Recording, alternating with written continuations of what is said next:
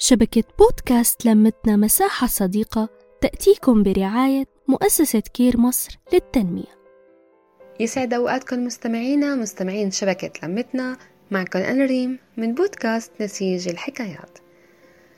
غلطت لما أخذت من الانسياق للواقع منهج للحياة طول سنين عمرها يلي مرقت. وكانت مفكرة أنه التمرد ما بيناسبها وكانت تاخد الأمور بجدية كبيرة. وما بتعرف الحياة لون غير الأبيض والأسود. لأبوها من وقت ما كانت صغيرة البنت المملة اللي ما بتعرف شي عن الحياة الواقعية.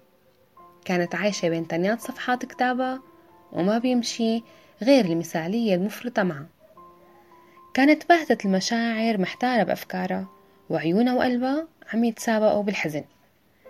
ساكتة دائما بتراقب اللي حواليها وبتفسر نظراتهم. ضيعت بريئة اللي اندفن بسنوات العتمة اللي عاشتها. وقفت جنب مرايتها يلي كانت نادرا ما توقف جنبها مثل أي بنت تانية. ومع هيك؟ كانت كتير حلوة. شافت بنت بالمراية حاجتها خافت منها بالأول لأنه بتشبهها تماما بس بتختلف بشوية تفاصيل. ملابسة فستان لونه من لون الورد اللي هي بتحبه وشعرها نازل على كتافها وملامحها ملونة ومو باهتة أبدا.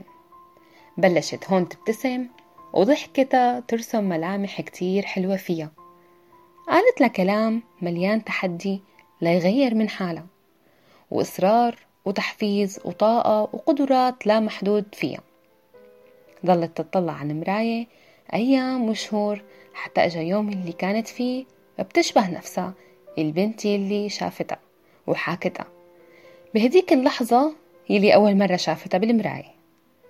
حست بالأمل وضحكتها بطلت مصطنعة وعرفت تلون حياتها وروحها.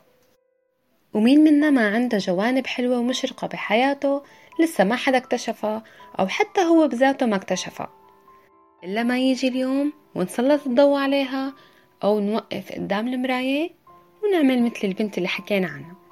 دمتم بخير. استنوني بحلقة جديدة.